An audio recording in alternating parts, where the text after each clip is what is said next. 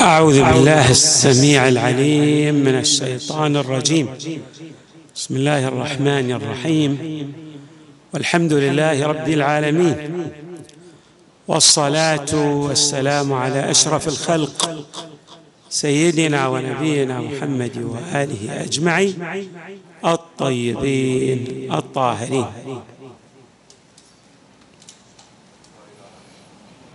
السؤال يقول ما هي الأسباب المؤثرة في توفيق الإنسان في دنياه وأخراه؟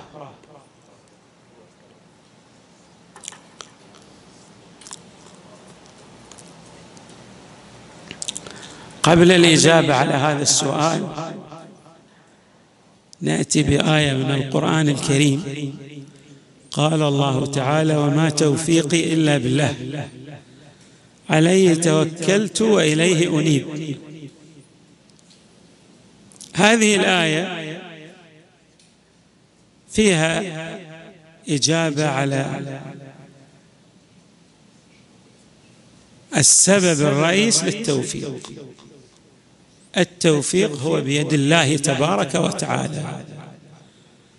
والإنسان إذا التجأ إلى الله في كل أموره فإن الله تبارك وتعالى يكفيه. أليس الله بكاف عبده؟ فإذا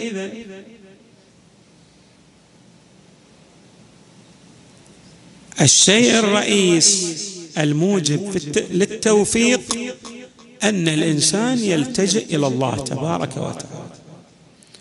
وإذا التجأ إلى الله الله سيأخذ بيده إلى ما فيه الخير في في دنياه وأخراه.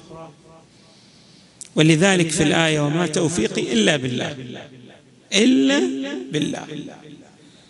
عليه توكلت. ما معنى التوكل؟ يعني أن يستشعر أن يستشعر الإنسان المتوكل أن الله تبارك وتعالى يكفيه يحقق له ما يصلحه. روايات كثيرة تؤكد على أن الإنسان إذا توكل على الله فالله يكفي قال الله تعالى ومن يتوكل على الله فهو حسبه. يعني كافي. عليه توكلت وإليه أنيب. هذه وإليه أنيب أيضا تعطينا أو تشير لنا إلى سبب من أسباب التوفيق. أن خذلان الإنسان يأتي من خلال تنكب جادة الصواب عدم السير في الصراط المستقيم. بالتالي إذا سار في طريق غير صحيح ماذا ينبغي عليه؟ أن يفعله أن يرجع إلى الله. وإذا رجع إلى الله وصحح مساره فإن الله تبارك وتعالى سيجعل له من أمره فرجا ومخرجا. هذه خلاصة. الآية إذا الكريمة والمباركة تعطينا إجابة. الروايات فيها شيء كثير يعني تشرح تبين لنا اسبابا متعددة للتوفيق. من خلال القيام ببعض الأمور. من هذه الأمور التي تذكرها الروايات وتبين أنها من موجبات التوفيق الإدمان لذكر الله تبارك وتعالى. إنسان يذكر الله وإذا ذكر الله ذكره الله. ذكر الله لك ما معنى؟ توفيق رحمة. فاذكروني أذكركم. اذا من أسباب التوفيق التي تذكر في الروايات الإكثار أو الإدمان من ذكر الله تبارك وتعالى خصوصا القيام ببعض الأذكار مثل التسبيح. وكذلك الصلاة على محمد وآل محمد.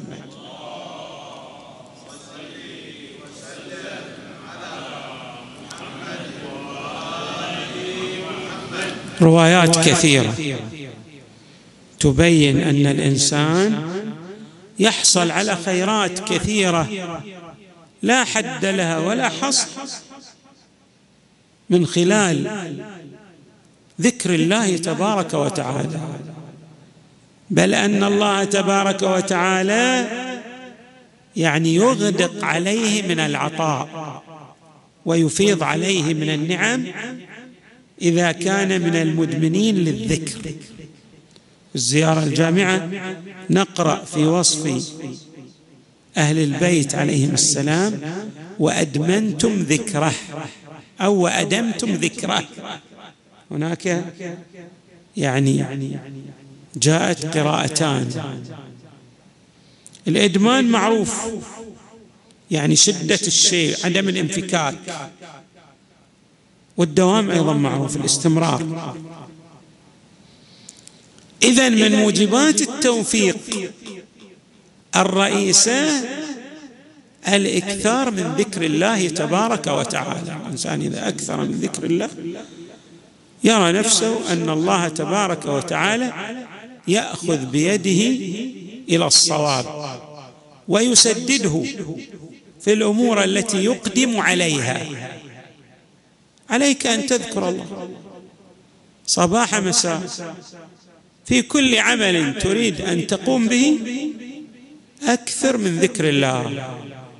وأنتم ترون بعض الأشخاص الذين يذهبون مثلا في حوائج صعبة ولكن يتوجه إلى الله ويذكر الله فيرى الفرج بحالة من اليسر والسهولة.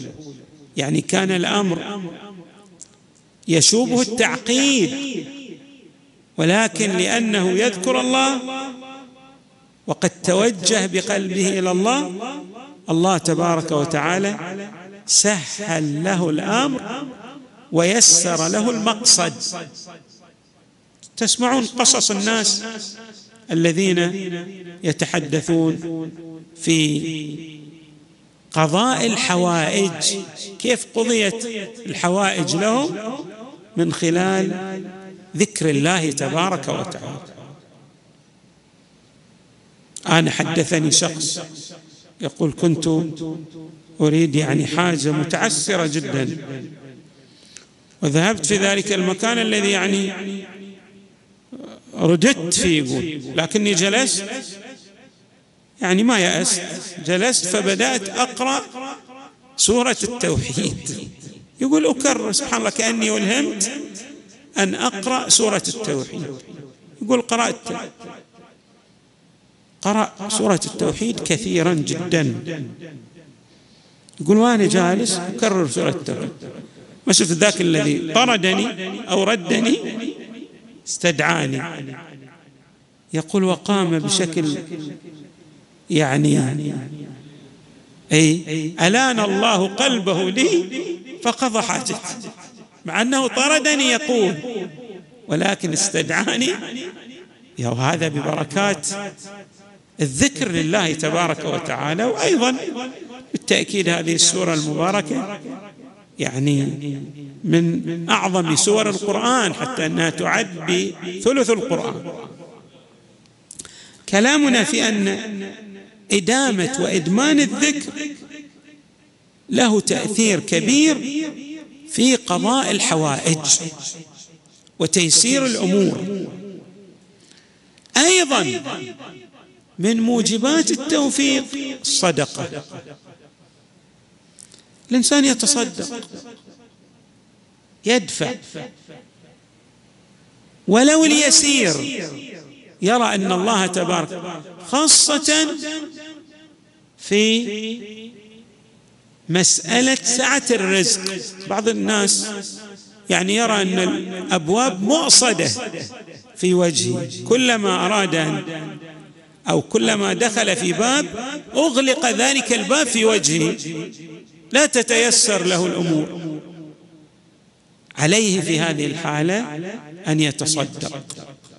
وقد ذكرت الروايات الأثر الكبير في السعة في الرزق للذي يتصدق خاصة على الأرحام. يعني شوف بعض أرحامك هم بحاجة إلى تيسير أمورهم فتسهم من الناحية المالية في دفع بعض المال. ترى أن الله تبارك وتعالى ييسر لك الأمور بنحو يعني لا تتصور كيف يأتيك الرزق. اذا من أسباب التوفيق المذكورة في الروايات بالخصوص في طلب السعة في الرزق. وناس يعني يسألون يقول أنا يعني رزقي ضيق. طبعا هناك أسباب لضيق الرزق وهناك أسباب لسعة الرزق. من أهم الأسباب لسعة الرزق في الروايات كما قلنا الصدقة. وصلة الرحم. في الرواية من أراد أن يوسع له في رزقه وينسأ له في أجله يعني يطيل الله في عمره فعليه ماذا؟ بصلة الرحم. عليه أن يصل رحمه طيب كيف تصل رحمك؟ تصل رحمك بالزيارة لهم بالإنفاق عليهم بالتعامل المرن والحسن. معهم وإياهم. فاذا أيضا من أسباب سعة الرزق الصدقه وصلة الرحم. صلة الرحم جد هامه لها آثار. من آثارها أن الإنسان يبارك له في المال الذي يحصل عليه. يرى أنه ماذا؟ يعني بعض الناس ترى أنه مثلا قد يحصل على مال كثير ولكن يذهب من بين يديه دون أن يرى أنه يحقق به المقاصد التي يرجوها. لماذا؟ لأن هذا المال لا بركة فيه.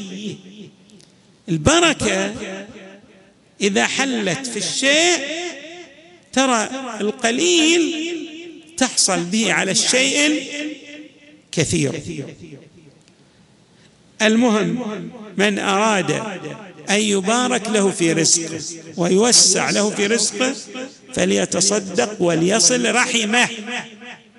روايات عدة وردت في هذا الشأن. أيضا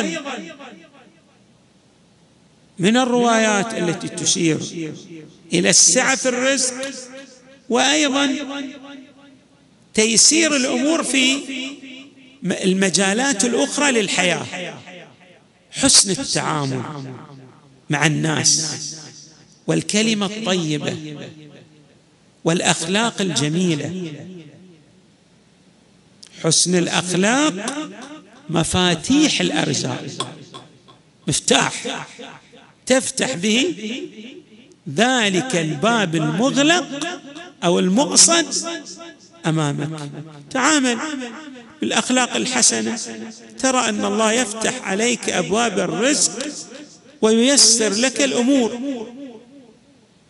بل في الروايات أكثر من ذلك أن الأخلاق الحسنة تميث الخطايا الذنوب كما يماثل الملح في الماء. شلون الملح يذوب في الماء؟ أيضا. هذه الأخلاق الطيبة يعني تزيل آثار الذنوب وتنهيها. فالإنسان عليه ماذا؟ أن يتعامل بالأخلاق الطيبة والحسنة مع الطيف المتعدد من الناس وبالخصوص مع أرحامه. ومع أقرب الأرحام. أيضا من أسباب التوفيقات الكبيرة والمؤثرة البر للوالدين. ما شاء الله. هذا بر الوالدين. أنا دائما أسميه السحر الحلال. سحر في الحقيقة. إنسان إذا يبر والديه سواء كان حيين أو ميتين. من الأحياء والأموات.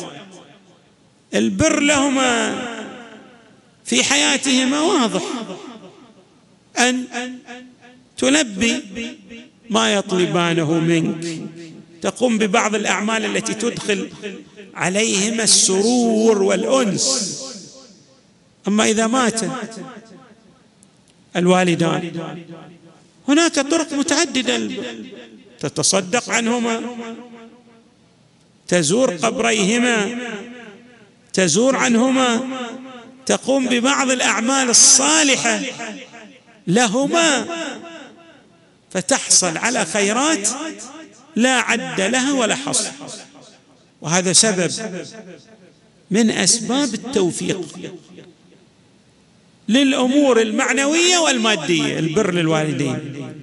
حتى صلة الرحم ولكن الأكثر هذه الرحم الماسة والقريبة الأب والأم. سبحان الله هذا اللي أنا أطلق عليه السحر الحلال هذا يحصل الإنسان على خيرات كبيرة.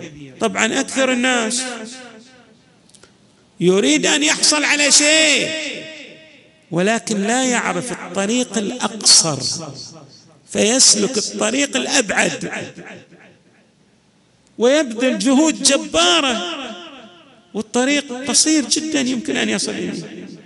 مثلا التعامل كما قلنا المرن والحسن مع الناس يتعامل بغلظة.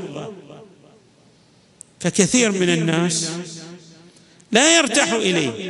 فيمكن أن الرزق الله سببه على يد واحد من هؤلاء الذين تتعامل معهم بفظاظة.